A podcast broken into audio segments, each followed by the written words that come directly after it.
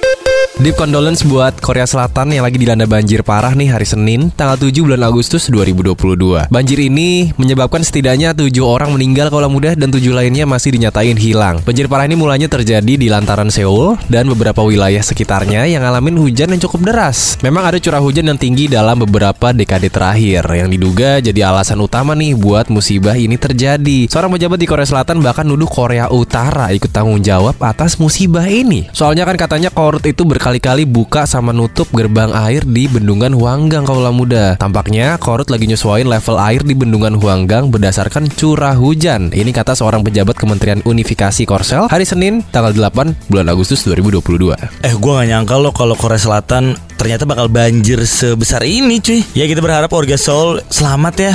Nggak kenapa-napa dan banjirnya cepet selesai gitu. Iya semoga nggak ada nambah korban jiwa lagi Dan kerugiannya juga bisa diperbaiki. Baik itu kerugian materi maupun kerugian imaterial. Tapi dengan demikian nih pemerintah Korsel nganggap Korut tuh lagi ngelanggar kesepakatan yang udah lama dijalin Mengenai pintu bendungan di perbatasan kedua negara itu kaulah muda. Pemerintah Korsel tuh berpendapat harusnya Korut lebih dahulu ngasih peringatan terkait dam air yang mereka buka. Ada perjanjian kerja nih antara Korut sama Korsel di Oktober 2009. Korut itu diwajibin buat nyampein pengumuman kepada Korsel sebelum membuka dan melepas air di bendungan perbatasan ke tetangganya itu. Jadi curah hujan yang terus-menerus meninggi menurunkan air nih lebih dari 100 mm per jam pada Senin malam di sejumlah wilayah di Korea Selatan kayak Seoul, kota Incheon, dan provinsi Gyeong. Lebih dari itu nih kalau muda, curah hujan di distrik Dongjak, Seoul bahkan mencapai 141,5 mm.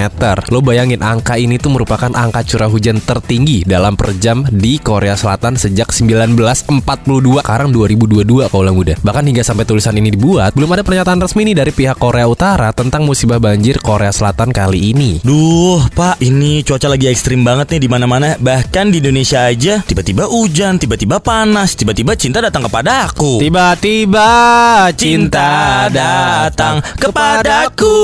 Tuh kortnya dari apa, Cok? Coba. C tiba-tiba. Gak usah dinyanyiin dong, usah. sekelarin aja beritanya.